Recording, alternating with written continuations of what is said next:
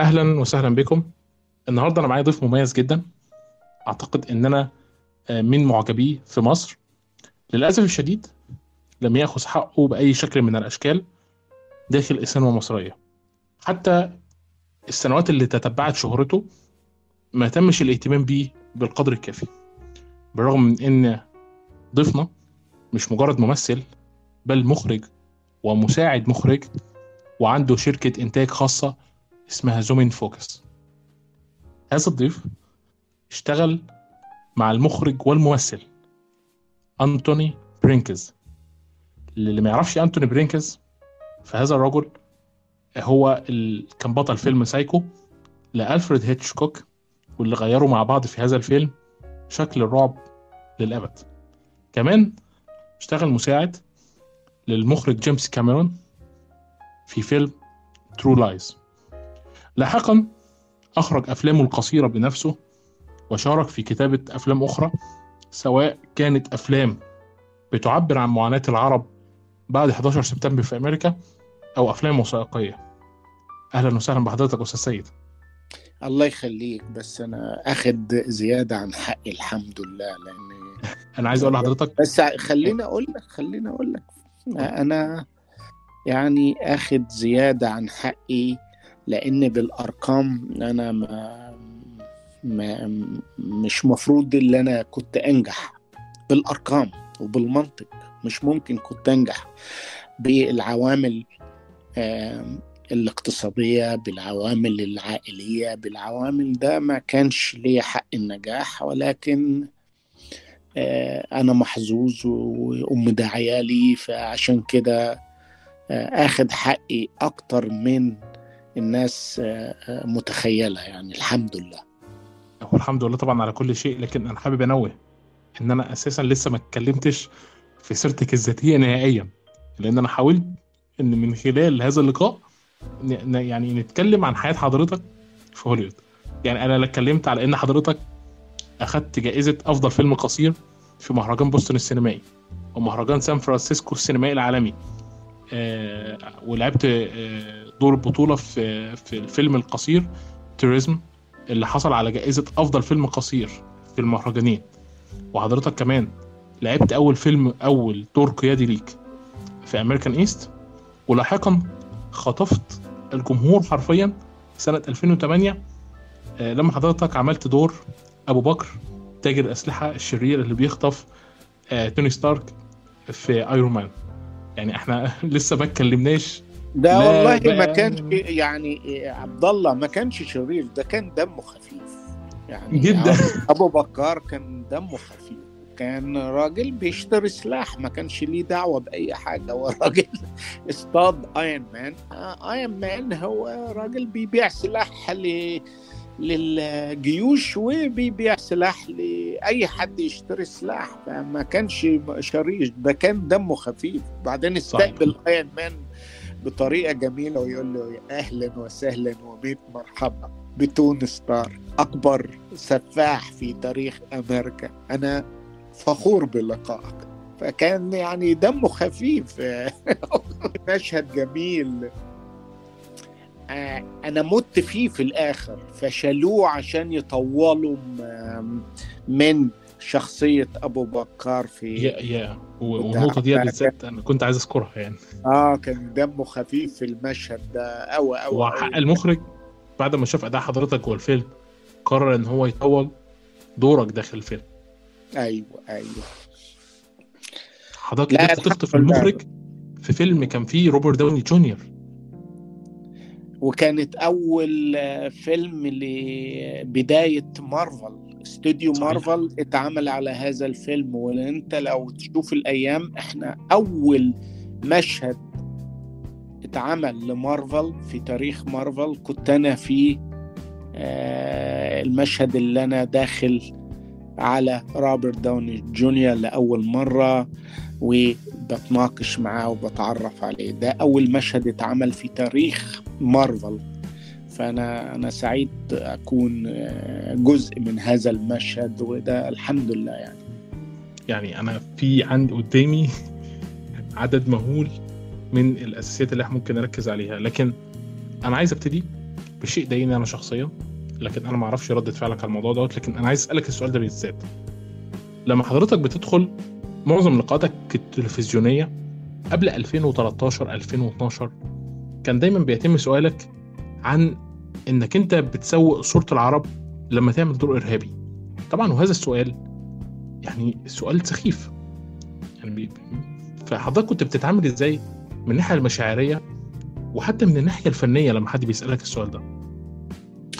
لا هو السينما عموما من بدايتها في آه، السينما الصامتة آه، اتعمل فيلمين في نفس الوقت في بداية العشرينات آه، فيلم في أمريكا وفيلم في مصر عن آه، واحد أجنبي في آه، آه، جاي يزور مصر أو جاي يشتغل في مصر والفيلمين آه، اتعملوا القصة واحدة. ولكن آه، في الفيلم النسخة العربي كان الفيلن الأجنبي وفي آه، الفس ال- ال- آه، النسخة الأمريكاني كان آه، العرب هم الفيلن. فالسينما اتبنت على هيرو آه، وفيلن. وكل السينمات يعني آه، اتفرج عن السينما المصرية. يعني عادل إمام عمل أفلام ولعب إرهابي أكتر من آه، مني. آه، السينما المصرية عملت أفلام كتيرة عن الإرهاب ومصريين هم اللي كانوا آه، الفيلن فيها. فالموضوع ده سينما. الموضوع ده سينما أنا ما بزعلش منه وبتعامل معاه إنك آه طب خلاص آه أنت زعلان إن الناس بتتكلم عنك أعمل سينما عنك. أعمل سينما وقول قصتك بدل انت شايف الغرب مطلعك إرهابي الدور اللي انت تطلع نفسك وتحكي حدوتك. فدي مسؤولية. يعني اما تشوف الكارير بتاعي ال- الشغل بتاعي هتتلاقيني أكتر واحد مصري لعب دكتور في السينما العالمية. ومش يعني عملت الدكتور مع جوانا سبيلتر عملت دكتور مع مات ديمن آه، كنت جراح في الفيلم عملت وعملت عملت عملت حاجات كتيرة بس الناس مركزة على موضوع ال Iron Man مثلا و Iron Man يعني ما تشوفه راجل تاجر سلاح. في تجار سلاح في جميع أنحاء العالم ومش معنى اللي أنت تاجر سلاح اللي أنت villain أكتر أكتر ناس عملوا فلوس في تاريخ آه، العرب كشو آه، خاشقجي. كان تاجر سلاح. محمد الفايد كان تاجر سلاح. فمش هنضحك على بعض يعني. آه، آه، علاء الخواجة اللي اشترى السينما المصرية وباعها للوليد ابن طلال زوج سعد يونس تاجر سلاح. مش يعني أنا عندي العلم والثقافة اللي أنا أرد عليهم آه، آه، في هذا وبعدين بقول يعني أنا ما بخافش آه، لكن هل أنا آه، أثرت أنا غيرت في الم... الحمد لله المصري الوحيد اللي اتكلم باللغة المصرية في السينما الأمريكية. صحيح. معلش اعذرني هنا إن أنا هقطعك عشان أنا محتاج أوضح حاجة قبل ما حضرتك تكمل الجزئية دي بالذات. أنا عايز أنوه إن أستاذ سيد مش بس كان واحد من أهم الممثلين والمؤثرين اللي غيروا آه، نظرة العرب داخل هوليوود كمان إحنا بنتكلم على ممثل New York Times آه، Empire. آه، حضرتك كمان اشتغلت في قناة ABC في بعض الوثائقيات اللي لها علاقة بالإرهاب CNN طلعت Fox اتكلم عنك Hollywood Reporter فبالتالي في عدد من الصحف اللي اهتمت بسيرتك الذاتية وإنها تعمل معاك مقابلات. ده مش بس كده كمان حضرتك اشتغلت كممثل ومدرب لهجة عربية ومستشار فني وإسلامي في مسلسل صغير قيمته كانت وصلت ل 40 مليون دولار اللي هو Path to 9/11 لا ما كانش صغير ده كان ست ساعات. صحيح. أيوه. لا هو أنا قصدي إن المسلسل موسمين بس. أيوه أيوه. لا لا هو كان موسم واحد. ده هو بعدين إحنا بنتكلم 40 مليون دولار يعني. هو آه، آه، بصراحة يعني أنا أخد أكتر من حقي حتى في مصر لأن أنا ما اشتغلتش في مصر. البضاعة بتاعتي ما بتت- بتتباع عالميا. يعني أنا مش مش راجل local مش راجل محلي. أنا راجل international وأنا ما نزلتش مصر من 2012 فعشان كده ما بعملش برامج في مصر. وأنت زي ما أنت شفت كل البرامج اللي عملتها في مصر كانت live عشان ما اسمحش لحد يقطع من من المقابلة. يعني في البيت بيتك في مع في مع لبنى عسل مع مرتين مع عمرو أديب عمرو أديب كله 2006 و2007 آه كله كان live أنا بعمل live آه، عشان أحمي نفسي إن كل كلمة بطلعها ما بتتقطعش. آه، اولا يعني بصراحة هم ما بيقدروش يعملوا معايا مقابلات دلوقتي لأن بيخافوا من رد. يعني بيخافوا إن أنا أرد عليهم على السؤال بحاجة هم مش متوقعينها لأن هم عارفين إن أنا ما عنديش آه، سقف آه، في آه، الإجابة. أنا راجل الحمد لله بقالي 44 سنة هنا. وفي خلال ال 44 سنة تعلمت إن أنا يبقى لي صوت وصوت بتاعي وصوت مميز وصوت أنا ب ب بقوله من غير ما اخاف لأن ده اللي في كياني. فهم مش ممكن يفتحوا مع معايا موضوع عن السينما المصرية لأن أنا أول ما حد يفتح معايا السينما المصرية أقول له السينما المصرية آه، آه، التراث المصري اتباع التراث القديم اللي إحنا تربينا عليه وإنتوا تربيتوا عليه والمستمعين اتربوا عليه وأمهاتكم وأجدادكم اتباع للوليد بن طلال وللشيخ صالح. فالسينما المصرية والسينمائيين المصريين مقصرين في بيع تراثهم.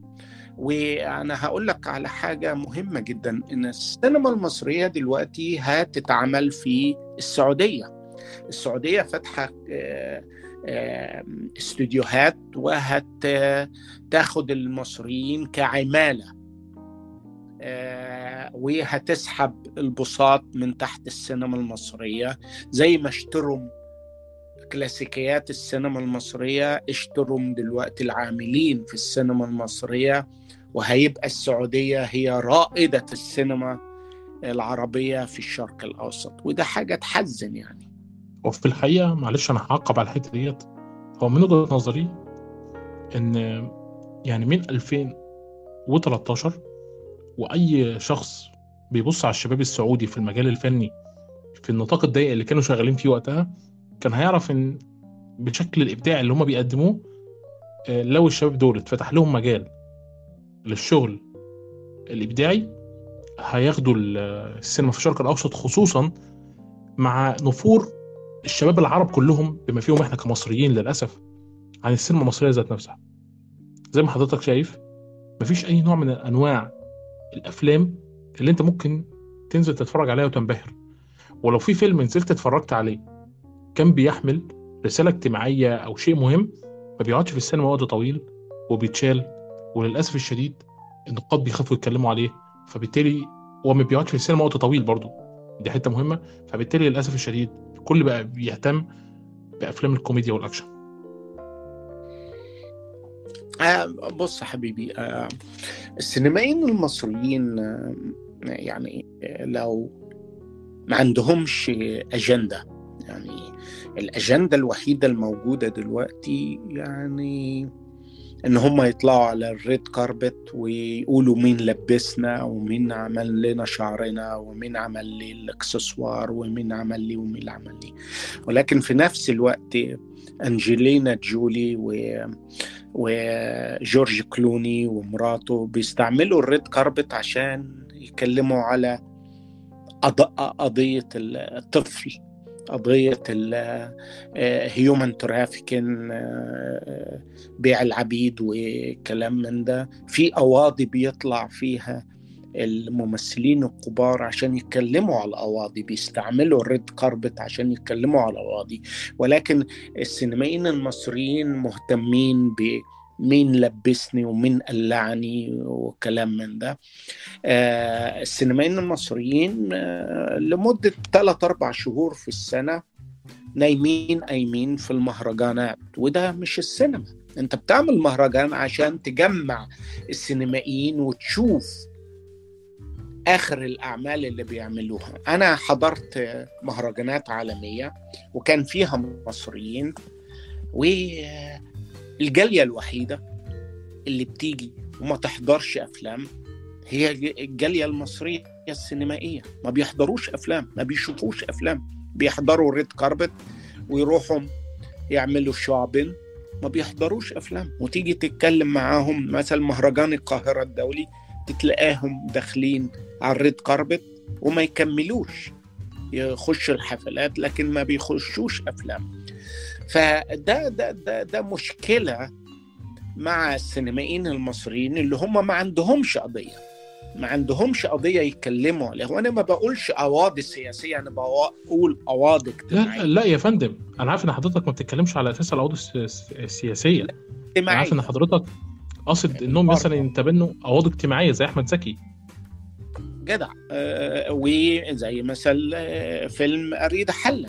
فيلم صحيح صحيح. فيلم شرف اللي غيرت من من القوانين المصرية. فالسينما المصرية ماتت بعد عظمة دعاء الكروان وشيء من الخوف والبسطجي والزوجة الثانية والحرام في بيتنا رجل. والأفلام بداية ونهاية الأفلام اللي عبرت عن الشعب المصري وطموح الشعب المصري ومعاناة الشعب المصري. أنت النهاردة اجتماعيا. اجتماعيا. أنا بتكلم على جواز القاصرات وطلاق القاصرات ومشكلة تغيير السن وإن بنت عندها 13 سنة أو 12 سنة تتجوز واحد جاي من الخليج 80 سنة. ده مشكلة ده مشكلة سينمائية عظيمة تتكلم فيها ولكن السينمائيين المصريين أنا بقول غلابة لأنهم طب والله بعد بعد إذنك يا أستاذ سيد يعني أنا بس أنا عايز أعقب لحضرتك في موضوع القاصرات ده. أنا يعني كان نفسي دايما خصوصا ده في المجتمع المصري إن إحنا لما نيجي حتى نتكلم عن موضوع القاصرات إن إحنا كان نفسي إن إحنا ندخل لبعد اجتماعي حقيقي لأن إحنا عندنا في الأرياف والأماكن اللي هي البدو والصحراء والأمازيغ وأهل النوبة وكده كلهم عندهم فكرة إن القصور سواء للست أو للراجل. يعني مثلا ممكن شاب عنده 12 و13 سنة يتجوز وبنت عندها 12 و13 سنة تتجوز. فإحنا هنا عندنا مشكلة اجتماعية. لو كان يعني من زمان تم إلقاء الضوء عليها بهذا الشكل كان ممكن نلاقي حل. لا أنا ما عنديش مشكلة إن في في عائلة وفي قرية أنا عندي مشكلة إن يجي واحد من الخليج 80 سنة ويبعت سمسار الفلاحين يجيب له بنت 12 سنة أو 13 سنة. ده المشكلة. هل الكلام ده فعلا بيحصل بشكل حقيقي؟ موجود وأنا موثقه. حضرتك موثقه؟ طبعا. أنا ما بتكلم حاجة الا موثق و... ويا ريت تسيب الموضوع ده. الناس تسمعه أنا عمري ما أتكلم في حاجة إلا ما أكون موثقة لأن أنا متدرب. أنا دخلت الجامعة هنا وعملت أفلام تسجيلية. والأفلام التسجيلية مش زي الأفلام الروائية اللي أنت بتقول في دماغك. التسجيلية لازم يكون عندك توثيق وأركايف عشان تتحط في الفيلم التسجيلي وما حدش يقدر يعاتبك أو يحاكمك عليها. أنا موثق كل حاجة بتكلمها. ده ده التدريب اللي أنا اتدربت عليه. صحيح. أنا, أنا أنا عايز أتكلم على الجامعة بتاعت حضرتك بالمناسبة لأنها مهمة جدا. لكن برضو أنا عايز يعني الأول أقفل حتة السينما المصرية وهي إن حضرتك سنة 2009 كان عندك لقاء مشترك مع آه، نقيب الممثلين وقتها أشرف زكي اللي مستمر لحد النهارده يعني. حضرتك كنت بتتكلم في التعاون اللي هيحصل وإن الأفلام المصرية والشركات المصرية تيجي هوليوود تستعرض نفسها والإنتاج في المغرب. فأستاذ أشرف زكي وقتها قال لك كلمة جميلة جدا وبما إن أنا بتفرج من المستقبل كواحد بيتفرج سنة 2023 ضحكت جدا على الجملة ديت وهو إنه بيقول لك آه، جميل نعمل تعاون مع بعض. ونفهم القوانين الأمريكية ماشية إزاي من حضرتك وندخل. يعني أنا جاي من 14 سنة قدام. ما حصلش. لا بالعكس يعني لأن السنة اللي فاتت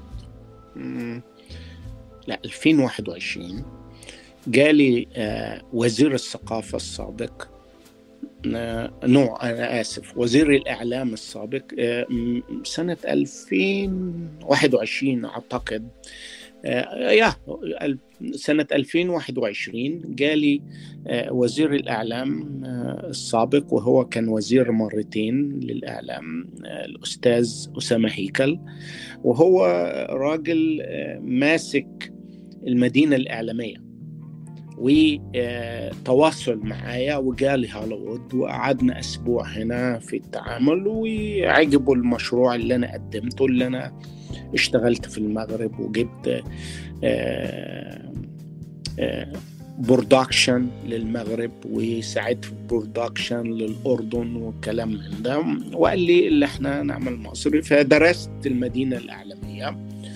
وقلت له المدينة الإعلامية فيها مشاكل كبيرة جدا الطريقة اللي أنت باني بيها ال- الاستوديوهات والكلام من ده وأنت بتصرف على فلوس ورميها في البتاع فعجبهم. فطلبوا مني اللي أنا أعمل مشروع وأبعته وبعد كده هو ساب وجاء واحد جديد بعت للواحد الجديد الموجود دلوقتي. واتبسطوا من المشروع ولكن في الآخر آه، وافقوا الا المكتب آه، الأمني. فقالوا لي قبل ما الورق بتاعك يروح المكتب الأمني لازم أنت آه، تنظف ال social media بتاعك الفيسبوك وال وكل ال social media وتنظف الحاجات دي وت... فانا أنا راجل عجوز يعني هنظف إيه ولا إيه؟ أنا خدوني بالسينما ما تاخدوش بحاجة أنا بكتبها أو بعملها وأنا ما بكتبش حاجة. أنا مصري أصيل بحب مصر بورسعيدي وطني لمصر. فيعني آه، ما عجبنيش موضوع إن هو آه، المكتب الأمني لازم يفتش على السوشيال ميديا بتاعه وكلام من ده. فرفضت العمل مع المدينة الإعلامية و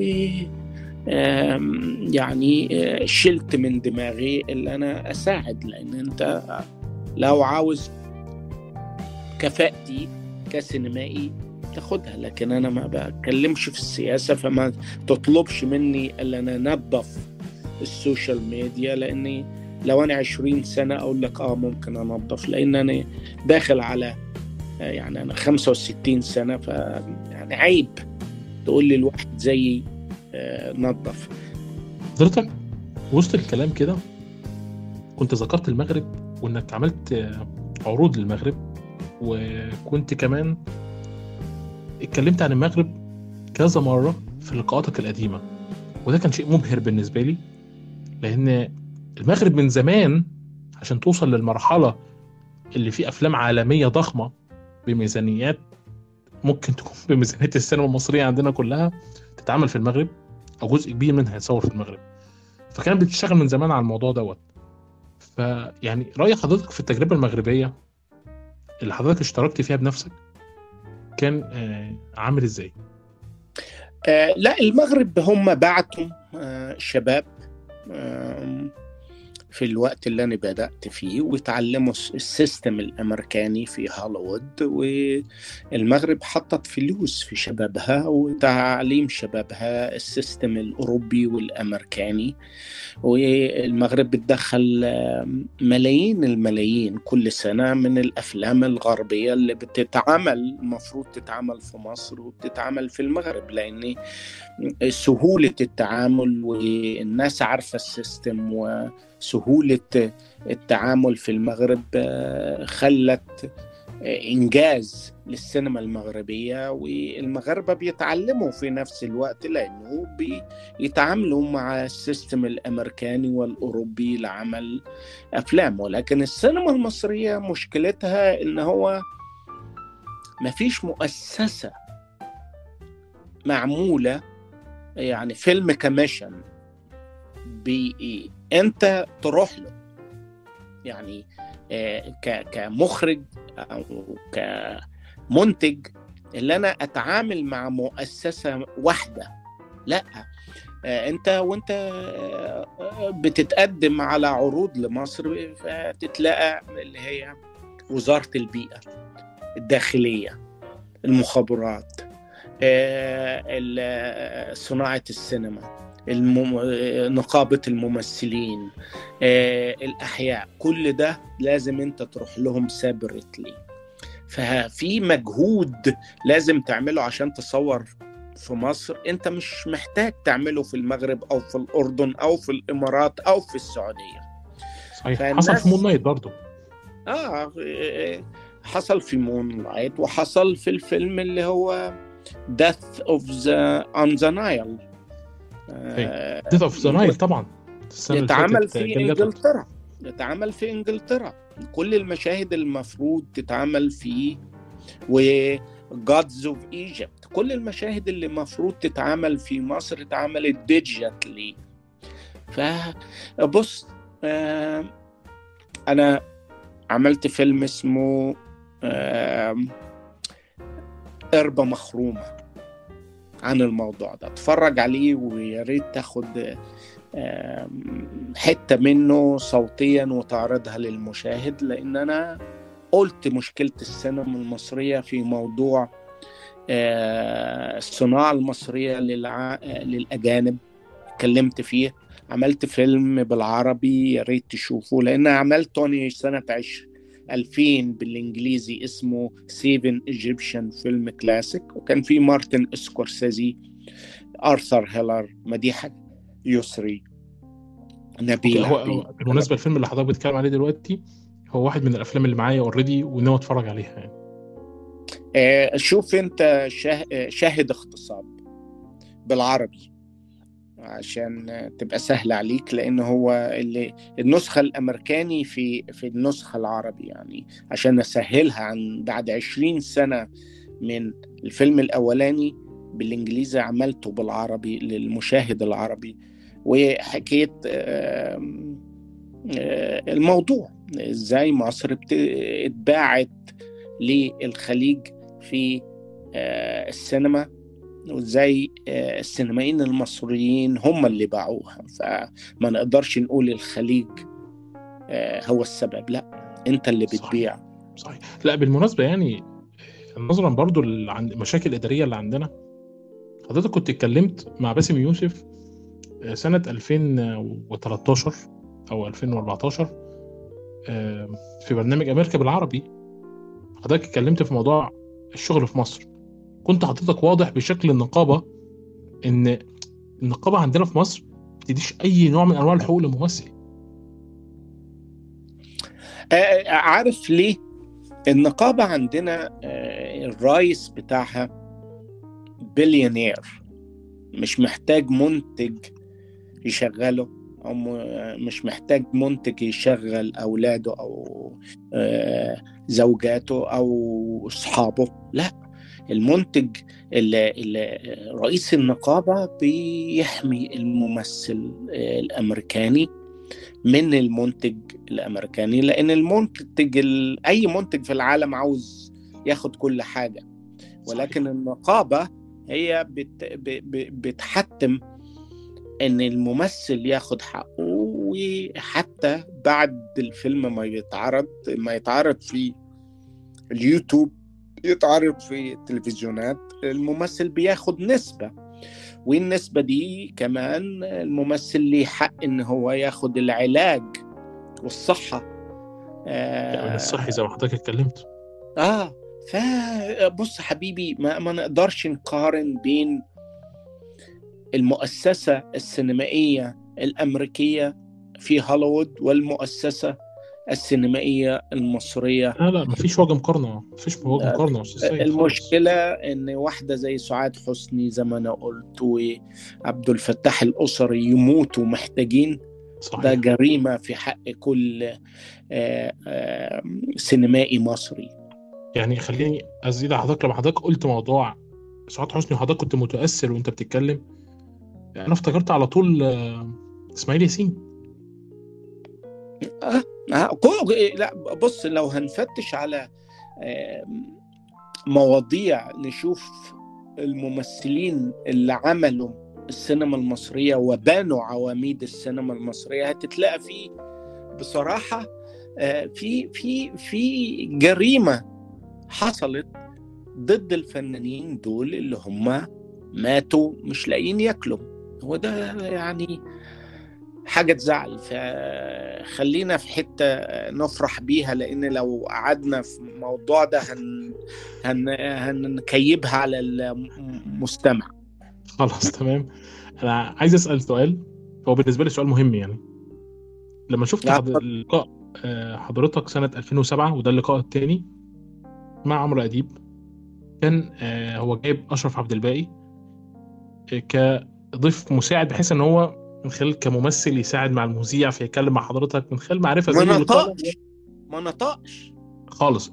وهنا للأمانة يعني أنا أنا شكيت في نفسي أول مرة شفت فيها ال- اللقاء فعدته مرة واثنين مرة واثنين لا عيد بأكد. آخر آخر دقيقة أنا قلت آه. فيها. آه، لا لا أنا طبعا أنا عارف حضرتك قلت إيه في آخر دقيقة. حضرتك سألته حتى أنت ما بتتكلمش ليه. لكن أنا عدت اللقاء ليه؟ لأن أنا لاحظت حاجة حسيت إن أشرف عبد الباقي متضايق. متضايق إن حضرتك بتتكلم على إنك كنت بتشتغل مع المخرج كذا الممثل كذا عملت كذا للسينما المصرية. بينما هو وقتها وقتها وأنا بأكد كان ممثل درجة أولى في مصر ومعظم النقاد بيتوقعوا إن هو ده مستقبل السينما المصرية من الأساس.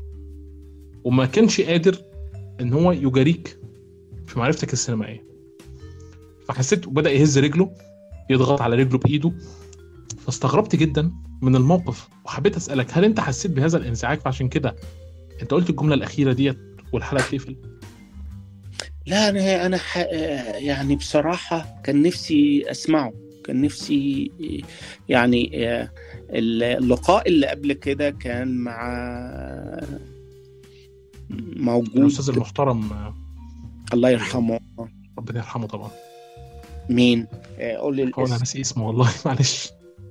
لا كان عنده فرقة هو واخته وأخوه. صحيح صحيح. ما أنا مش أنا أنا هو على دماغي بس. السينما. أنت خليتنا أروح يضيع مني. كان ماسك مهرجان القاهرة الدولي كان رئيس آه طبعا آه طبعا. ماشي هنجيب اسمه مش هيروح مننا ب... آه عزت أبو عوف أستاذ عزت أبو عوف إزاي انسى اسمه. جدع عزت أبو عوف.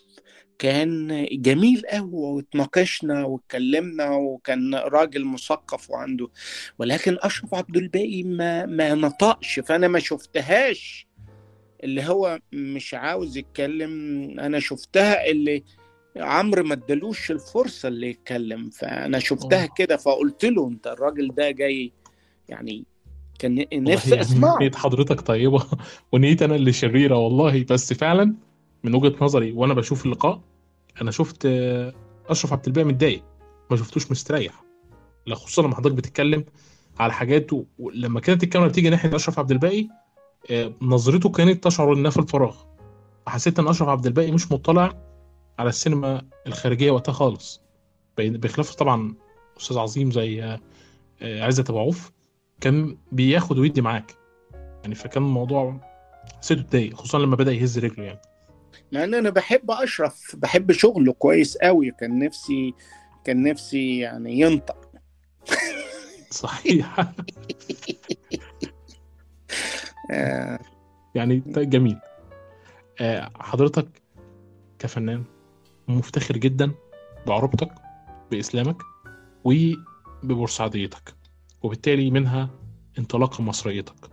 وده شيء يعني مذهل جدا خصوصا في في إنك يعني التزمت بطبيعة اللهجة في أعمالك السينمائية وحابب كمان إن أنا أنوه إن حضرتك زيك زي أي فنان آه، دخل وهنا أنا قصدي أي فنان بيحترم نفسه في هوليوود. يعني إنما عندنا هنا الوضع مختلف طبعا. حضرتك دخلت عملت أكتر من 40 حلقة صوتية في برنامج الأطفال Apple and Onion وده اتعرض عندنا مدبلج بالمناسبة في الوطن العربي على Cartoon Network. كان أخويا الصغير. بيتفرج عليه. وشفته باللغة العربية وحش قوي. جدا جدا. مع إن على فكرة في دبلجات ل Cartoon Network بالعربية غير طبيعية. لكن هي حظوظ. يعني أنا أنا نفس إنتاجات الشركة ديت أنا أحب أتفرج على Gumball بالعربية ما أحبش أتفرج عليه بالإنجليزية. برغم إن أنا يعني عندي اطلاع على الاثنين بسبب إن Netflix كان ليها حقوق البث عندنا في فترة يعني من فترات. لكن أنا حابب إن أنا أقول لحضرتك حضرتك لما اتجهت لل- للعمل دوت بداية دي حاجة بتخلد الانيميشن بشكل عام خصوصا للجيل اللي هيطلع ويتفرج على البرنامج دوت هيفضل مرتبط بيه للأبد.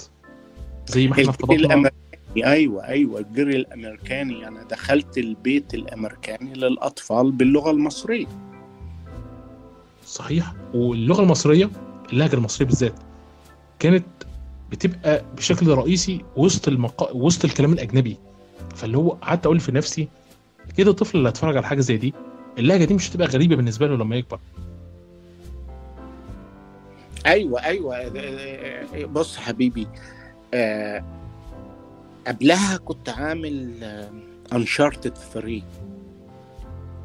كنت عايز؟ أتكلم في النقطة ديت يعني برضه بس.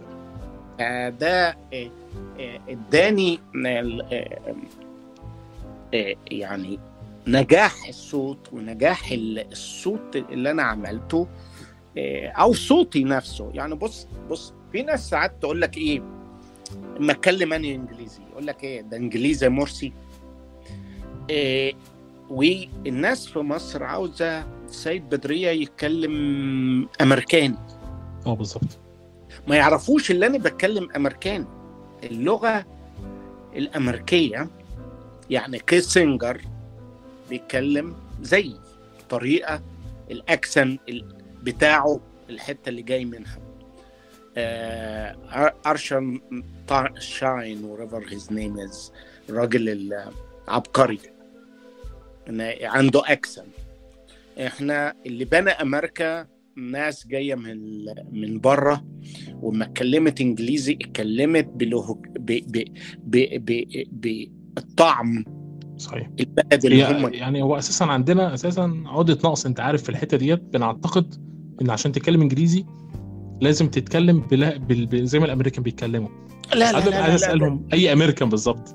آه، العرب أمريكان لا، اللاتين أمريكان black لا أمريكان؟ المشكلة اللي أنت دلوقتي لو واحد أمريكاني في مصر بيتكلم بطريقته مصري بطريقته مصري أمريكاني محدش بيتكلم في الحتة دي. فالناس الناس بيبقى قليل وعاوز يقللك عشان يحس اللي هو مش قليل. ف آه، يعني بتحس ان الناس آه، في ناس معينة كده يقول لك إيه آه، ده بيتكلم إنجليزي بورسعيدي. آه أنا بتكلم إنجليزي بورسعيدي لأن أنا اللي قصدي كده أنا مش هغير. طريقتي في الكلام عشان أبقى أمريكاني. يبقى أنا ببيع آه، بضاعة هم مش عاوزينها. لا أنا أتكلم بطريقتي. ده بضاعة فيها كمون وفلفل وكزبرة. وبعدين اللهجات هناك في أمريكا بتتباع بتبيع قوي يعني. ال British accent وال Mexican accent أو مش المكس اللاتيني accent. اللي موتها الخليه كل تلات أرباع الممثلين الصف التاني في أمريكا لاتين بسبب طبيعة اللهجه اللي الأجانب بيعشقوها جدا. فلا وضع لكنه مختلف شوية. آه الحمد لله. آه اللي عاوز أقوله آه، اللي أنت عاوز تيجي هنا وتشتغل في السينما العالمية أو تشتغل بأمريكا في أمريكا يبقى عندك حاجة تبيعها. عندك حاجة آه، تعرضها. عندك منتج محتاجينه.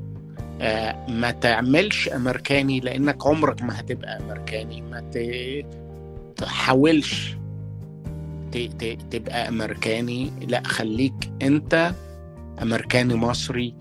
فهم آه، بيبصوا على الحاجات دي أكتر ما يبقى واحد مصري بيت بيتفزلك. ويحاول يبقى أمريكاني. صحيح صحيح. حتى يعني مفيش حد بيعجب هو شخص بيحاول يقلد آه، تشعر ان هو نسخة هجينه غير طبيعية. آه، وهنا أنا عايز أنتقل لتجربتك التانية بتاعت 2016 في الألعاب. يعني أنا ليا واحد صاحبي يعني جملة آه، صباح البابا غنوج ديت فاهم؟ يعني ديت ناقص يحطها نغمة التليفون والله. فإيه تجربتك لما أنت اشتركت كدوبلاج في لعبة؟ لا ما كانش دوبلاج. لا لا ما كانش دوبلاج. اكتب انت سيد بدرية بالانجليزي. سيد بدرية لا يا فندم حضرتك مش. فاهم قصدي أنا قصدي الدوبلاج هو التعليق الصوتي بشكل عام سواء دوبلاج بالعربي أو دوبلاج باللهجة الأصلية.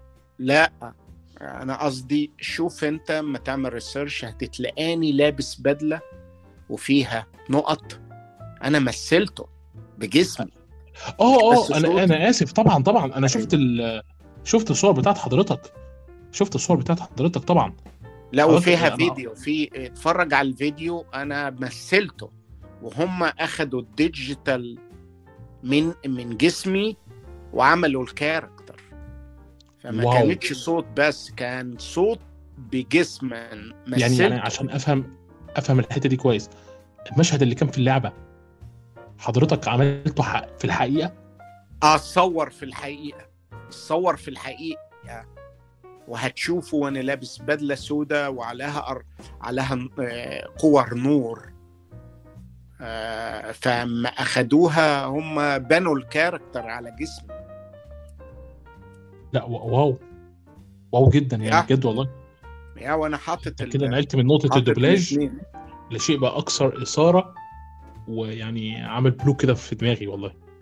آه آه اسمه يا يا okay okay يعني طبعا في حتة الدوبلاج خلاص أنا كده أنا واثق. فإن لو ما طلبكش في أي أعمال زيادة في المستقبل يعني هيبقى حرام خصوصا في موضوع طريقة لا لا أنا ب... أنا برفض. حضرتك بترفض؟ معنى كده ان حضرتك مطلوب في كذا عمل في الدوبلاج بالذات. آه إيه، أنا أنا دلوقتي شغال في في Apple على 20 حلقة. مع Skydance Animation أكبر شركة عالمية بتعمل أفلام أفلام فيها مش بس animation ولكن أفلام إثارة وكلام من ده.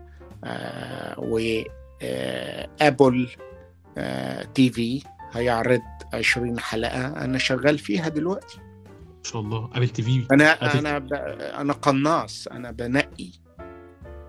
ده الحاجة الوحيدة اللي أنا هعملها بعد أبل أونيون وبعد ما عملت أنشارتد أنا مش عاوز أعمل حاجات تتنسى. صحيح. صحيح. من حقك طبعا.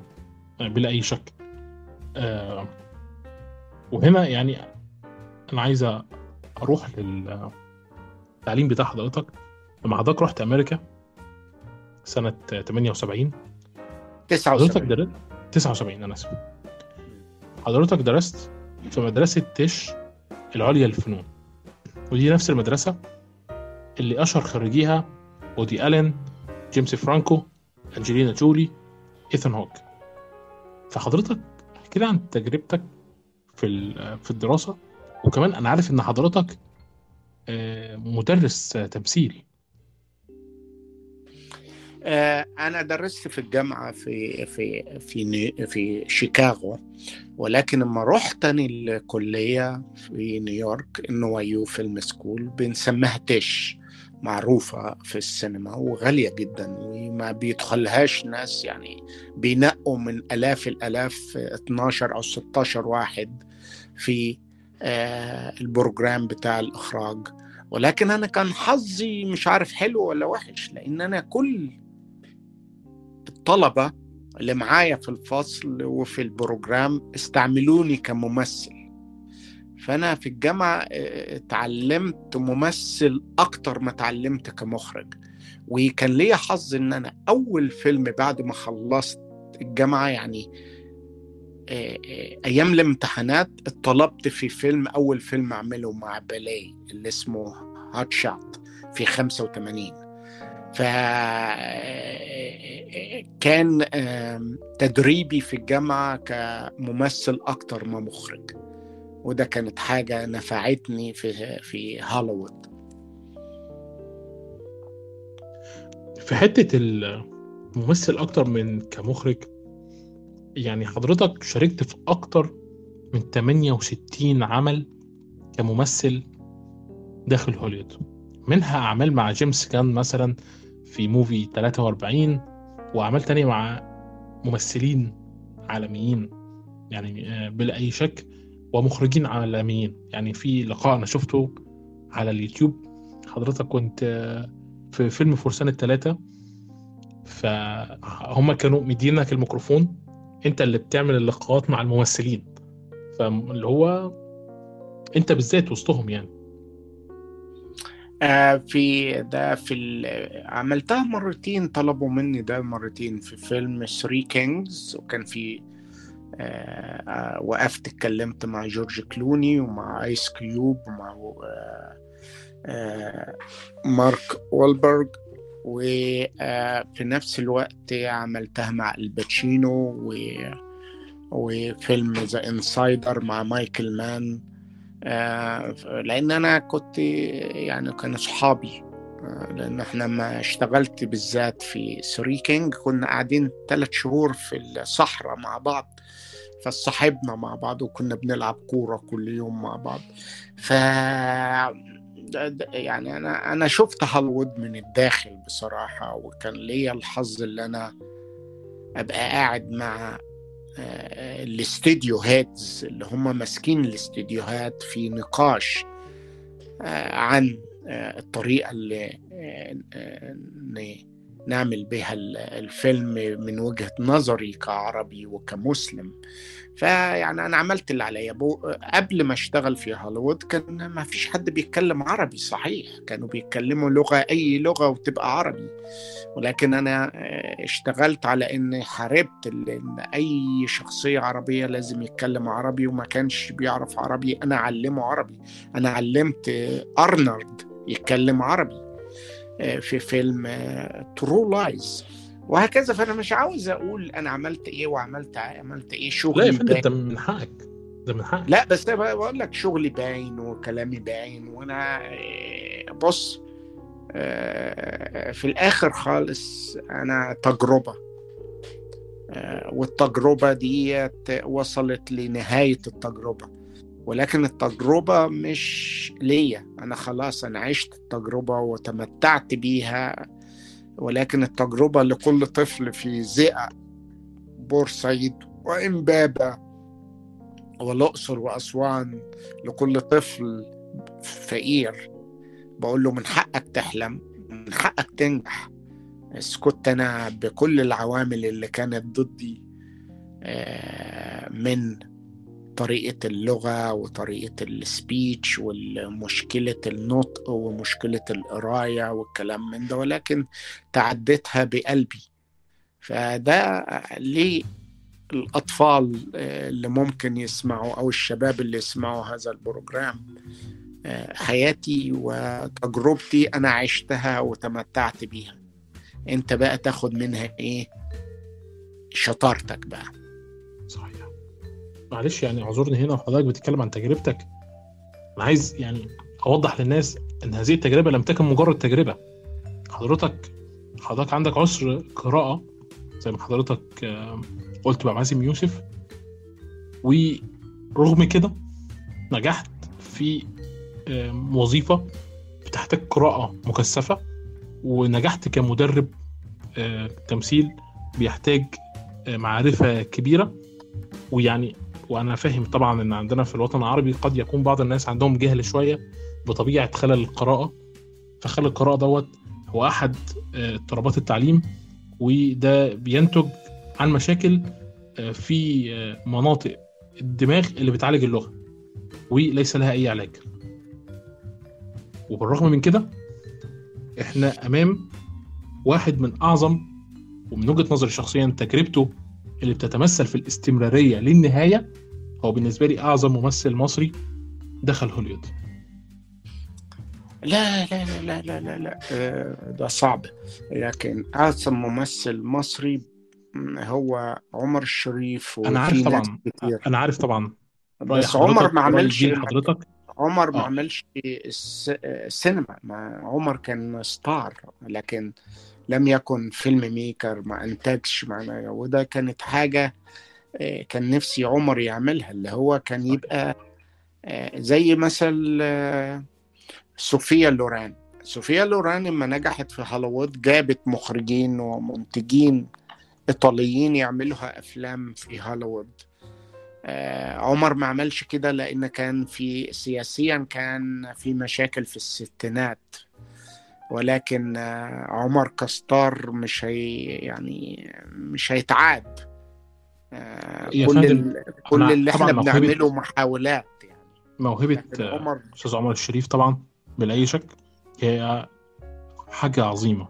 لكن أنا بالنسبة لي دائما وابدا أنا بسير مع الاستمرارية لأن جهد الاستمرارية غير أي شيء تاني ممكن يحظى بيه خصوصا لما شخص بي يعني مثلا زي عمر الشريف لما راح هوليوود آه، راح من مصر كان نجم فكان عايز يقعد في هوليوود نجم وديت برضو يعني هو ممثل عظيم لكن دوت ما يشترطش إن قراراته في الحياة كانت عظيمه ودي من الحاجات اللي أنا آه، لما ببص لتاريخ آه، أستاذ عمر الشريف بعاتب عليه شوية لكن على الجانب الآخر لما ببص لحضرتك بلاقي شخص استمر من سنة 1987 لحد السنة دي بالعكس يعني حضرتك ليك فيلم قصير آه، زي ما أنا فهمت نازل السنة دي اسمه Jellyfish and Lobster تمام؟ آه، هو حضرتك هتعمل فيه دور ميدو ده ده- ده فيلم صعب قوي عشان تبقى عارف. آه طبعا آه طبعا. آه، حضرتك الحاجات البسيطة اللي حضرتك كتبتها في منشور الانستجرام طبعا فيلم صعب مش بسيط. ميدو مزاجه كان وحش قوي آه، تمام. ال- ال- اللي أنا أقصده إن آه، الاستمرارية في هوليوود وعمل شركة إنتاج آه، حضرتك شاركت في دوبلاج ال video games حضرتك شاركت كممثل درجة تانية حضرتك شاركت ككومبارس وشخصيات جانبية. حضرتك لا عمري لا لا لا لا عمري ما اشتغلت كومبارس. لا أنا آسف معلش أنا آسف. يمكن أنا قلت اللفظ غلط. أنا قصدي حضرتك قبل ما تكون مشهد. مساعد المخرج الأول مشهد-. حضرتك كنت آه، جالك وظيفة ومنها اتسحبت بقيت مساعد المخرج. أنا فاكر اللقاء يعني. أيوه أيوه أيوه. اشتغلت كبنضف بعمل شاي وقهوة في ال- بالظبط. أيوه أيوه. لكن عمري ما اشتغلت ما نطقتش.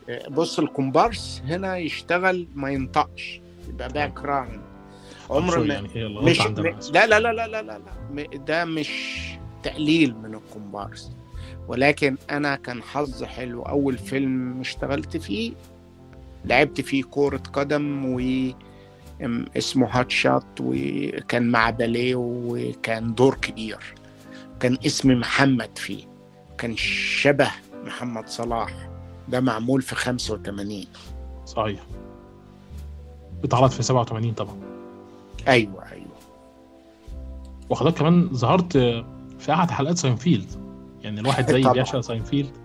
آه و Lost و Lost طبعا إزاي ينسى لوست؟ طبعا.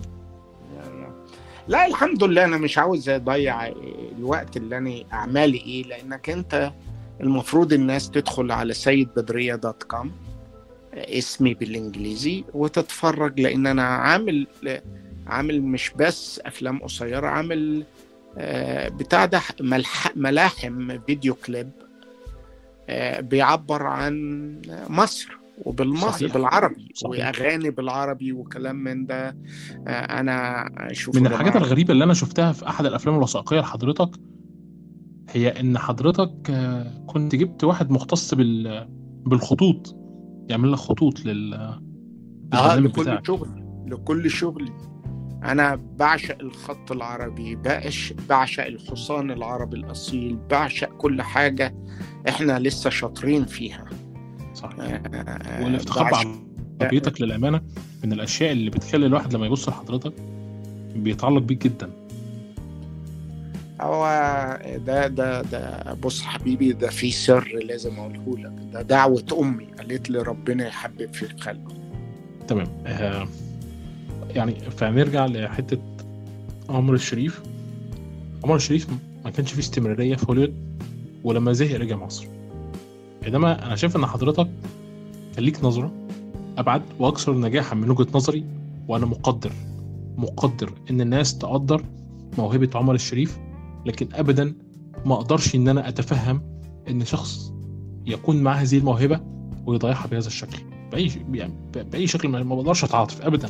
بينما على الجانب الآخر شخص بيجتهد من تحت تماما وبيطلع و... وأمامه كل هذه الصعوبات اللي لو وجد أي شخص تاني كان ممكن بكل سهولة يستسلم في هذه الحياة بشكل كامل ويدي لنفسه مليون مبرر لكن حضرتك ما خدتش ال- الخطوة دي. وهنا عايز أروح لإنتاجاتك القصيرة وفيلم American East إنتاجات حضرتك القصيرة مستمرة وفي أغلب الأوقات على نفقتك الخاصة.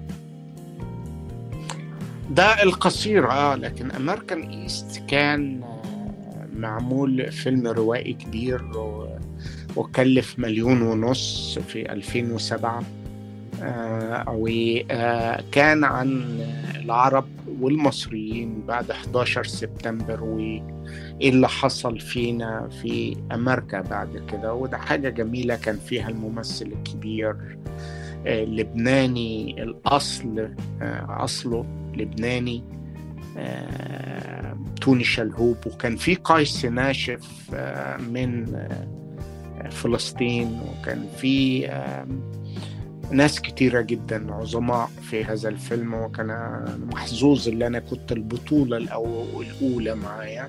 صح. لكن أنا عم- عملت فيلم تاني اسمه كارجو لازم تشوفه. اسمه إيه؟ كارجو.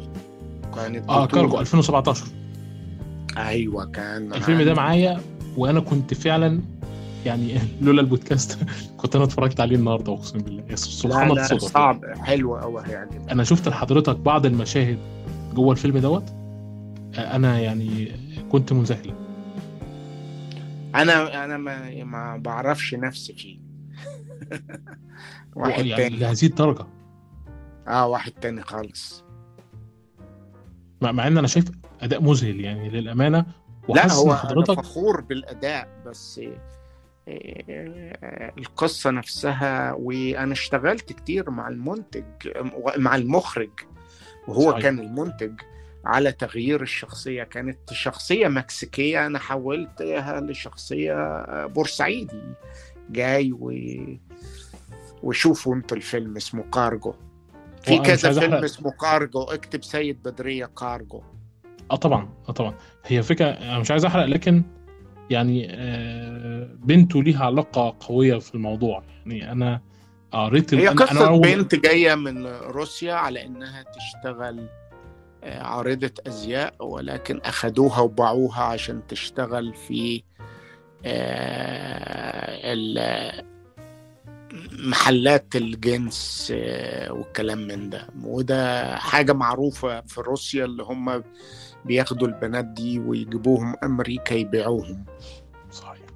آه جميل. يعني أنا شفت يعني أنا اللي خلاني أهتم بالفيلم ده والله هو اداء حضرتك في الفيديوهات اللي كنت بتنزلها يعني. حتى إن أنا اهتميت بمسلسل دخلت اتفرجت على أول حلقتين ولكن انسحبت سريعا كان اسمه شتاء 2016 آه شتاء 2016 ده كان قصته عجيبة جدا آه، أولا آه، في 2014 آه، اتعزمت في السفارة المصرية في لوس أنجلوس وهي قنصلية بس السفير واللي هو القنصل آه، اتصلوا بيا وقالوا لي إحنا جايبين ممثل مصري نكرمه هنا في لوس أنجلوس وعاوزينك أنت اللي تقدمه على المسرح وكلام من ده. فقلت لهم مين؟ قالوا لي آه، ممثل اسمه هشام عبد الحميد. قلت لهم خلاص أنا خارج من مصر 79 فما ما شفتش شغل لهشام كويس ولكن عارف اللي هو اشتغل مع أحمد زكي وعمل بطولات كتيرة في مصر. فرحت اتعرفت على الراجل آه، يعني راجل لطيف جدا وشيك كده وحاجة جميلة كده اتعرفت عليه وروحت. يعني خلاص. فبعدها بكذا سنة جالي تليفون من تركيا وقال لي آه، سيد أنا بعمل تمثيلية آه، من بنصورها في تركيا وأنا البطل بتاعه وعاوزينك معنا فقلت لهم أنا يعني أنت عارف تركيا والناس اللي هل المنتجين إخوان؟ قال لي لا ده المنتج عنده شركة في مصر اسمه آه، زياد A to Z آه. آه. وعنده نفس الشركة فتحها في قطر ولندن وتركيا راجل businessman قلت له خلاص فبعتوا لي والله بعتوا لي جزء من السكريبت اللي هو الأدوار بتاعتي ما بعتوليش كل السكريبت. آه وأنا بصيت عليها قلت له يعني خلي المخرج والمنتج يكلموني. فكلموني فقلت لهم أنا هغير كل حاجة.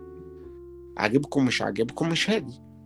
فقالوا لي لا إحنا عاوزينك باللي أنت عاوز تعمله. أنا غيرت طريقة الكلام وطريقة آه، اللبس وطريقة كل حاجة غيرتها فاعتبرته اللي ده هيبقى حاجة بالعربي لي أنا. عمري ما اشتغلت في ملعب. ورحت اشتغلت وأقسم بالله العظيم أنا ما كنتش عارف مين اللي أنا شغال معاهم إلا هشام عبد الحميد. ولكن أنت اما تروح شوف دوري في مالكش دعوة أنت بالتمثيلية لأن هم بوظوا الدراما فيها. و اما جه يعرضوها تلاقوها قصيرة فهم زودوا شوية حاجات قعدوا الممثلين يتكلموا فبوظوا الدراما. ولكن أنا بقول للناس اتفرج على مشاهدي واحكم على مشاهدي بس. آه، والطريقة اللي أنا قدمتها بس. لكن بعد كده حصل مشاكل. فقال لك إيه أنت اشتغلت مع الإخوان. لا أنا ما اشتغلتش مع الإخوان والناس اللي أنا كنت شغال معاهم مش إخوان.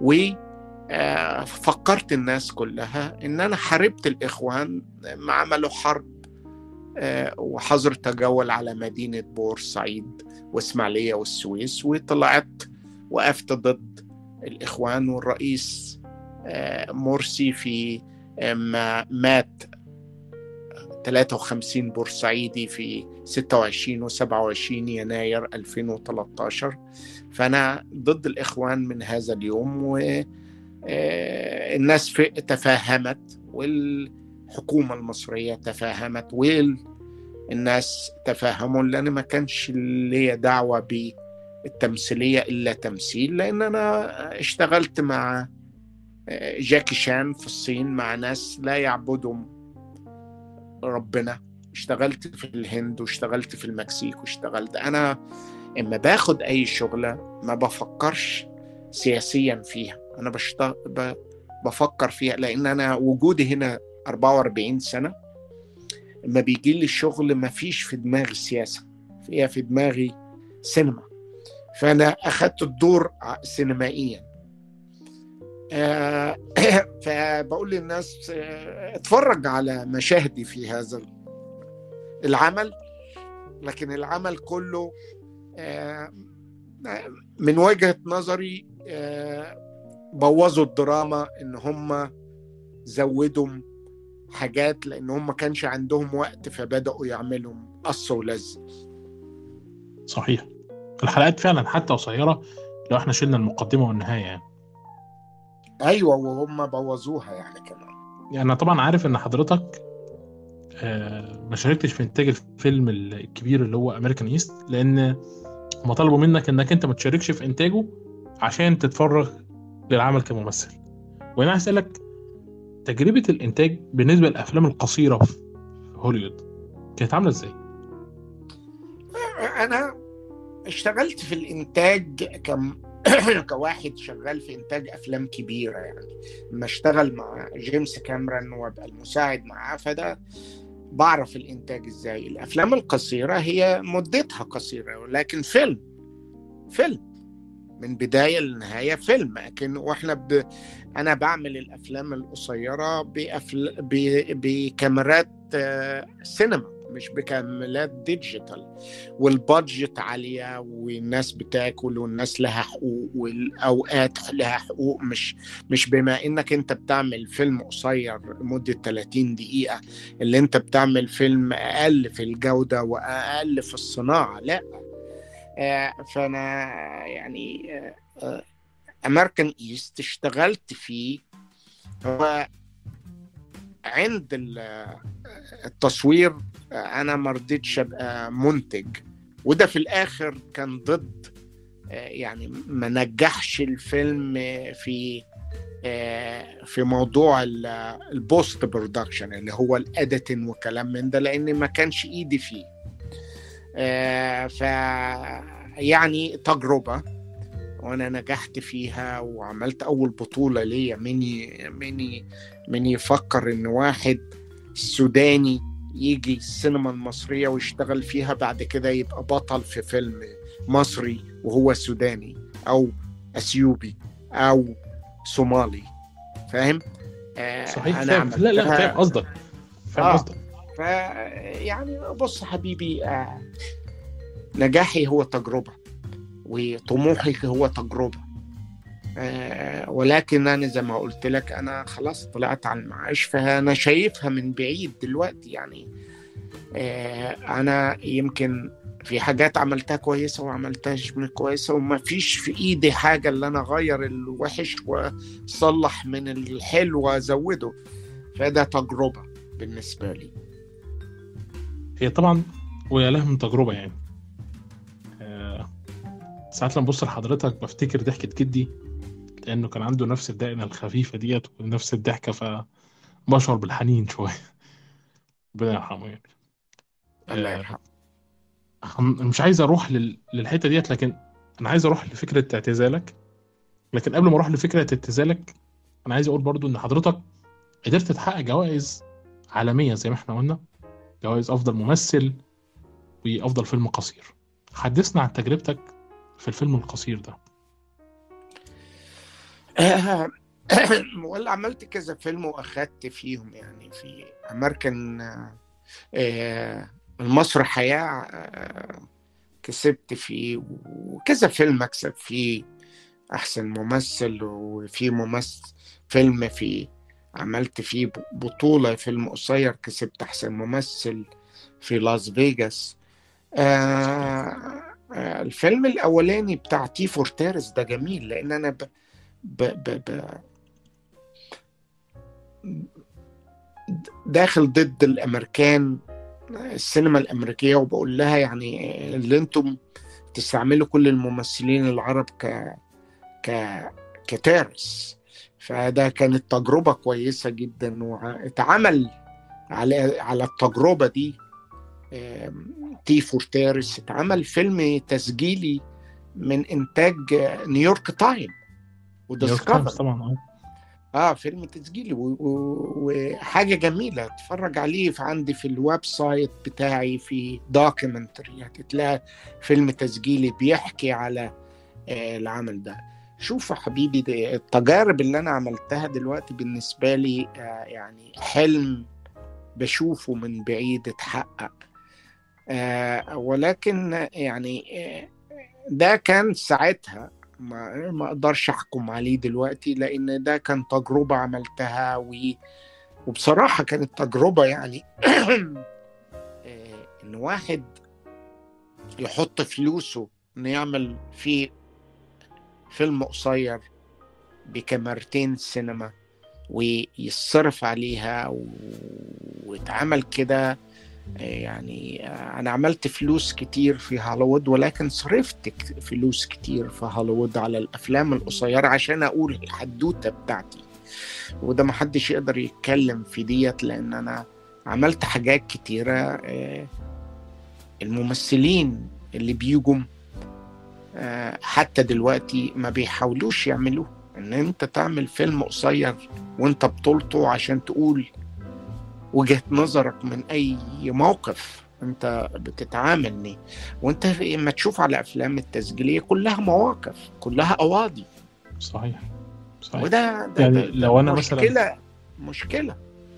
طيب لو إحنا مثلا بصينا لبعض الممثلين المصريين اللي واخدين بعض الأدوار الرئيسية زي مثلا عمرو واكد أو غيره آه يعني الامانه ما بشوفهمش بيبذلوا جهد في فكرة الأفلام القصيرة اللي أنت بتستعرض فيها نفسك. يعني حتى في بعض الممثلين اللي هم دلوقتي ولا الأفلام بي- التسجيلية ما هو يعمل صحيح. يتكلم على قضية. يعني أنا ما ب...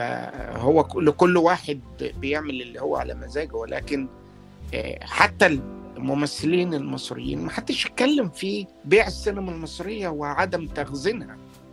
يعني آه، حاجة غريبة. أنا ما عملتش تعريفة من السينما ال- المصرية ولكن صرفت إن أنا أحط ضوء على بيع السينما المصرية وعدم ترميمها وعدم تخزينها وأنا ما عملتش منها فلوس. فده يعني بالنسبة لي هبل.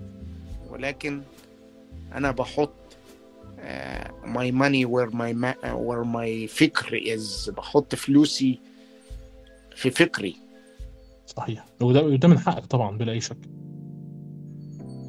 الحمد لله. ويعني و- وبعد كل دوت للأمانة من الأشياء اللي تزعلني إن أنا أدخل على موقع عربي زي موقع السينما وما ألاقيش تاريخ ليك موجود بشكل بشكل محترم يعني سواء في في الإنتاج ولا في الأفلام القصيرة ولا في أي حاجة فبزعل. آه، لا لا ما تزعلش ما تزعلش لأن هم جهل منهم مش مش هم مش قاصدين ولكن عندهم جهل وعندهم غير معرفة وعندهم يا فندم لا معرفة ولا جهل. لأن هدخل على اي ام دي بي حضرتك تاريخك كله موجود هدخل على Empire هتلاقي صفحة تعريفية بحضرتك فيها تاريخك كله حبيبي بجوائزك. شوف انت ذكرت حاجتين وذكرت السينما ده الفرق بقى إن دول professional ودول amateur معلش أنا بقول لك الحقيقة يعني لا لا لا لا طبعا طبعا بلا أي شك. لا كلامك صحيح 100% كلامك صحيح. اعذرني يعني. صفحة حضرتك على ويكيبيديا وأنا لا آخذ ويكيبيديا بأي شكل من الأشكال كمرجع. تمام؟ صفحة حضرتك على ويكيبيديا احترافية ومرتبة عن صفحة في الموقع مصري عربي. زي موقع السينما كوم فحسيت بال بالحزن فعلا. لا لا متعود أنا كده.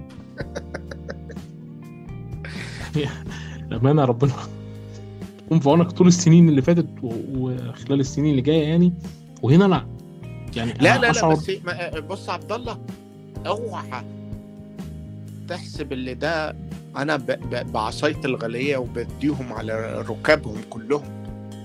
أنا هم ما يقدروش في أي مهرجان عالمي يتكلموا على السينما المصرية لأن أنا بفكرهم اللي أنتوا بعتوا السينما المصرية. ما تفتحش بقك. يعني ساعات يطلعوا يقولوا السينما المصرية هي آه، هوليوود الشرق لا لا لا لا, لا.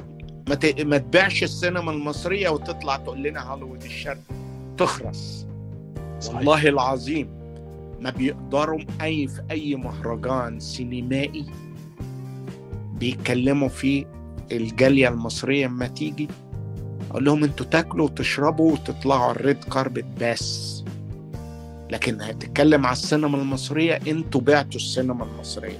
ما تقدرش تبيع تاريخك وتتكلم على تاريخك. فاوعى تحسب اللي أنا سايبهم. أنا بديلهم بعصاية الغالية. ومحدش يقدر يفتح بقه. اوعى تحسب اللي أنا سايبهم.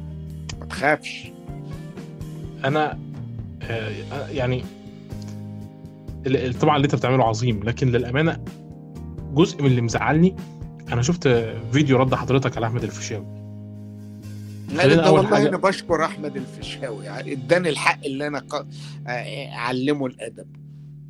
ومشكلة يعني يعني من من المؤسف من المؤسف إن أنا ألاقي ممثل محلي في أي مكان لا لا قاعدة سينمائية كان محترمة. آخد فلوس عشان يقول كده. كانت معمولة. هم كانوا مرتبينها. أنا كانوا كان مرتبها مع مع سيد أبو حفيظة. آه كانوا مرتبين هيعملوا معايا و... و... و... وأنا الحمد لله اللي رتبوها وعملوها بس وقعت. وقع عارف بص أنا بم... يعني أبو حفيظة واقف جون وبيدوا الكورة للباك الغشيم أحمد الفيشاوي. ولكن أنا الكورة طولت من أحمد أخدتها رقصته ورقصت آه، السيد أبو حفيظة وحطيتها جون وقعدت أتدلع بقى. ده الشكل السينمائي لهذه الحدوتة لا لا لا شكل الكرة بامتياز يعني يتناسب مع مزاج حضرتك في الفترة الأخيرة على الفيسبوك لا بأمانة. لا لا لا, لا. يعني أنا أنا هقول لحضرتك يعني اولا دموعك في الفيديو دي كانت غالية جدا لأن لما يبقى شاب صغير آه، لو راح عمل دور كومبارس في هوليوود مش هيعرف ينجح من أساسه يعني بلا أي شك حبيبي نظري أنت شفت أنا قلت إيه لباسم يوسف؟ شفت طبعا. قلت له الناس ممثلين درجة أولى في مصر بيجوا هوليوود يحاولوا يتصوروا مع ممثلين أنا واقف معاهم في مشاهد. معاهم. حصل. ده ده الفرق بيني وبين الممثل المصري والممثل الغير مصري. اللي أنا أنا مس- بتعامل بستغرب. أنا مع مستغرب من. جرأته. لا لا لا ده هم آخد فلوس. ما أنا قلت له أنت عشان أنت عاملها سبوبة هرد عليك. دي بس يعني. باسم يوسف باسم يوسف اللي كان فيه 100 مليون بيتابعوه بيكافح هناك على المسارح المستقلة في أمريكا. نعمل إيه بقى يا عبد الله؟ ماشي. إيه تاني؟ إيه تاني عشان خلاص يعني إحنا نروح للنهاية. ويعني أنا عايز أتكلم على فصلك الأخير في السينما. وأنا حزين. لأن حضرتك كنت بتتكلم في فيديو قصير من ثلاث دقايق على يوتيوب على اعتزالك في شهر اتنين الجاي. يعني حضرتك لسه بنتكلم على فيلم قصير حضرتك هتعمله؟ وعايز. تتكلم على اعتزال؟ خلصت الفيلم خلصت تصويره هيطلع في صحيح. أنا مش قصدي فبراير يعني 27 لا الفيلم قصدي- القصير اللي عملته في لندن آه، استاكوزا وانديل سيفش. آه. آه هيطلع إن شاء الله في أواخر فبراير آه وهيبدأ يدخل المهرجانات. وهم عاوزين يعملوا فيلم يعني هو هو الكونتراك اللي إحنا نعمل فيلم قصير عشان نعمله فيلم طويل بعد كده. هو الامانه قصة؟ قصة فيلم مستقل طويل يلف في المهرجانات شوية. أيوه فأنا بقول بعد كده لسه شغال في في two script واحد عن حتشبسوت وواحد عن آه، فضيحة لافون في 54 آه، فدول الفيلمين اللي أنا آه، كمنتج مش كممثل. لكن حضرتك هتعتزل التمثيل بشكل أساسي. أيوه أيوه. إلا إلا بس يعني في آه، Apple آه، قصدي Apple TV التمثيلية اللي أنا فيها لو لو الشخصية بقوز يعني كل شوية يقولوا لي إحنا طولنا الشخصية. كانت في آه، أبسود واحدة بقت في اتنين بقت في تلاتة بقت في أربعة بقت في خمسة. فهم كل ما بيشوفوا شغلي بيزودوه. فأنا ما أقدرش أقول لهم لأ لو زودوه هعمله لكن ما أنا ما ب... ما عدتش ببعت آه، اسمي آه، عشان اشتراك في أي حاجة ما عدتش بهتم ب... مش مهتم ما عدتش. لأن أنا تع... مش عاوز أشتغل تاني يا أخي. عاوز أصحى من النوم ما فيش في دماغي أنا مقدر طبعا يعني.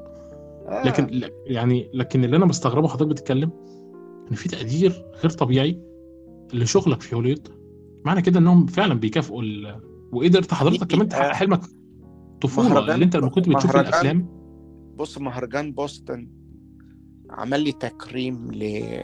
لجميع أعمالي واداني جايزة آه، تكريم لأنه بيعتبروا بوسطن ده مدينة بتاعتي أنا لما جيت من بورسعيد جيت على بوسطن فيعتبروني ابن بوسطن. فعملوا إيه آه، وده آه، مهرجان كبير آه، بوسطن. لا طبعا مهرجان بوسطن و- طبعا. آه كرموني هناك. فبص أنا في السينما بتاعتي حطيت لنفسي خط وعملته والحمد لله إن شاء الله. نجحت فيه. ولكن أنا ما بعتبرش السينما المصرية السينما أنا صرفت على السينما المصرية ما ما كسبتش منها. وحاربت واوعى تحسب إن أنا آه، محبوب بين السينمائيين بعض السينمائيين المصريين يكرهوني في إن أنا وقفت ضد آه، سعاد يونس والوزير فاروق حسني في بيع السينما المصرية. واتعمل عليا هجوم من الوليد بن طلال والشركة بتاعته آه، إعلاميا والوزير عمل قرار اللي ما فيش صحافة ولا إعلام مصري يتكلم على سيد بدري. آه، ده ومعايا وما بقولش كده من الفراغ لا. اتوقف في في آه، الأهرام الدولية اتوقف. مقالة كبيرة. اتوقفت مقالات كتيرة في آه، ليا بسبب آه، حبي للسينما المصرية والحفاظ عليها. مش هنضحك على بعض. آه، في ناس ما بتحبنيش. وأنا فرحان بكده لأنهم قليلين. اما تبيع السينما المصرية في تاريخك كوزير وأنت بتقول الفنان الوزير وتيجي يتباع السينما المصرية للوليد بن طلال والشيخ صالح وتفقد مصر قدرتها على إن هي تقول اللي إحنا عملنا الس- السينما من البداية. طب السينما بتاعتك فين؟ آه بعناها. تضحكوش على بعض. أنا ع- ليا أعداء كتيرة بسبب أفكاري مش شخصية. لا بسبب أفكاري لحماية السينما المصرية وتخزينها. كل ما تشوف آه، الفيلم اللي أنا عملته شاهد اغتصاب اتفرج على المخازن وشكل السن المخازن اللي أنت الأفلام دي متخزنة فيها. هتعيط. يعني أنا حزين وأنت بتتكلم دلوقتي أنا متأثر جدا. لا قلنا كتير يا حاج. يعني ما فيش كلمة فايده واحدة. كلمة واحدة تخرجني من المود يعني لا ما شاء الله يعني. آه يعني أنا ما فيش أي يعني حاجة ممكن إنها آه، تحزني أكتر من إني أشوف إن في ممثل حقق الإنجازات اللي حضرتك حققتها وعمل اللي حضرتك عملته. هو بالرغم من كده ما بيلقاش الترحاب الكافي عندنا في مصر. وعايز أكد على حضرتك حضرتك قلت إن في ممثلين ما بيحبوكش الأسباب آه، أفكارك. أنا بقول لحضرتك بقى إن في ممثلين ما بيحبوكش في مصر لاسباب شخصية آه، مش عشان حاجة لكن عشان آه، بي- بيشعروا بالنقص اتجاهك. إحنا عندنا ممثلين في مصر بيدخلوا السينما هم ما عندهمش أي نوع من أنواع المعرفة السينمائية بأي شكل من الأشكال. يعني ده حتى في ممثلين في هوليوود ممكن ما كانش عندهم تأسيس أكاديمي لكن عشان يدخلوا هوليوود كانوا بيشتغلوا في كافيهات بيسمعوا مخرجين شغالين آه، مساعدين آه، المساعد الثالث ولا المساعد الرابع اللي كذا آه، بيمسح عربية كذا عشان يروح يتعامل معاه زي براد بيت كمثال يعني. فللأسف الشديد يعني خلينا لا لا لا بص بص مت- أنا ف... أنا متفاهم أنا متفاهم. إيه ليه ما بيعملوش آه إلقاء الضوء على شغلي وعليا في مصر؟ ليه؟ لأن هم بيحسوا اللي أنا بتكلم في قضايا هم عاوزين يدفنوها اللي هي بيع السينما المصرية. مين؟ آه، بص كله بالأرقام. فولو ذا عاوز تعرف ليه حاطين تعتيم عليا؟ لأن أنا لما بفتح بقي بفكرهم اللي هم باعوا السينما المصرية. ومين أقوى صوت في مصر دلوقتي؟ هو صوت الخليج. واتقال لي في الخليج اللي إحنا وجالي من السعودية اللي انت بتتكلم مع الوليد بن طلال من العائلة المالكة. ما تقدرش تتكلم عليه. فأنا قلت له أنا عمر ما ذكرت الوليد بن طلال ك من العائلة المالكة لا أنا ذكرت إن هو اشترى السينما المصرية ومش معنى اللي هو اشترى السينما المصرية يبقى غلطان. ده هو اللي باع السينما المصرية اللي غلطان. قالوا لي مش إشكال بس لما تذكر اسمه في ناس بتزعل فعشان كده هيعتموا تاريخك ومش هيتذكر تاريخك في العالم العربي عشان توجهك لتفكير الناس. إن السينما المصرية لا يملكها مصري لا بس أنا محظوظ عبد الله. أنا من حارة أبو دنيا وكنت بلعب حافي وأنا صغير. ومشاكلي مع مين؟ مع راجل ملياردير. مشاكلي مع إسعاد يونس أكبر مذيعة في مصر. مشاكلي مع الوزير فاروق حسني. يعني طرف الناس من أعدائها. وأنا ما بقولش أنا بحب إسعاد يونس شخصيا وبحترم آه الوليد بن طلال كبزنس مان آه هي ما هيش مشاكل آه بالنسبة لي ما هيش مشاكل شخصية ولكن هم بيعتبروها اللي أنا كشخصي مش مطلوب التعامل يعني اعطاء الضوء عليه لأنه كل كلمة بيقولها بتقلل منهم وبتفكرهم اللي هم باعوا تراثهم. أنا بشكر الناس كلها اللي بتسمع وبقول لكم إن السينما حركة. اتس to create emotion. السينما حركة ب... ب... ب... بتبني وبتخلق إحساس. ف أي واحد عاوز يعمل سينما لازم أنت يبقى فيها إحساس وفيها باشنت وفيها حاجة تقولها. وابدأ بفيلم قصير. يعني في ناس كتيرة بتقول إحنا ما حدش بياخدنا وبياخدوا أبناء الممثلين وبتاع لا لا لا لا. دلوقتي ممكن تعمل فيلم قصير مبدع. بايفون ما نضحكش على بعض. معلش اعذرني يا أستاذ سيد بعد إذنك. هو بس أنا عايز أوضح لحضرتك حاجة. يعني الكلام ده بيحصل في السعودية. تعمل فيلم قصير تعمل شركة على اليوتيوب بعد كده الشركات تبص لك تاخدك نتفليكس تتبناك شاهد تتبناك. آه يعني لكن عندنا في مصر للأسف الشديد السينما جزء من سقوطها الضخم هو الأسماء الثلاثية عندنا.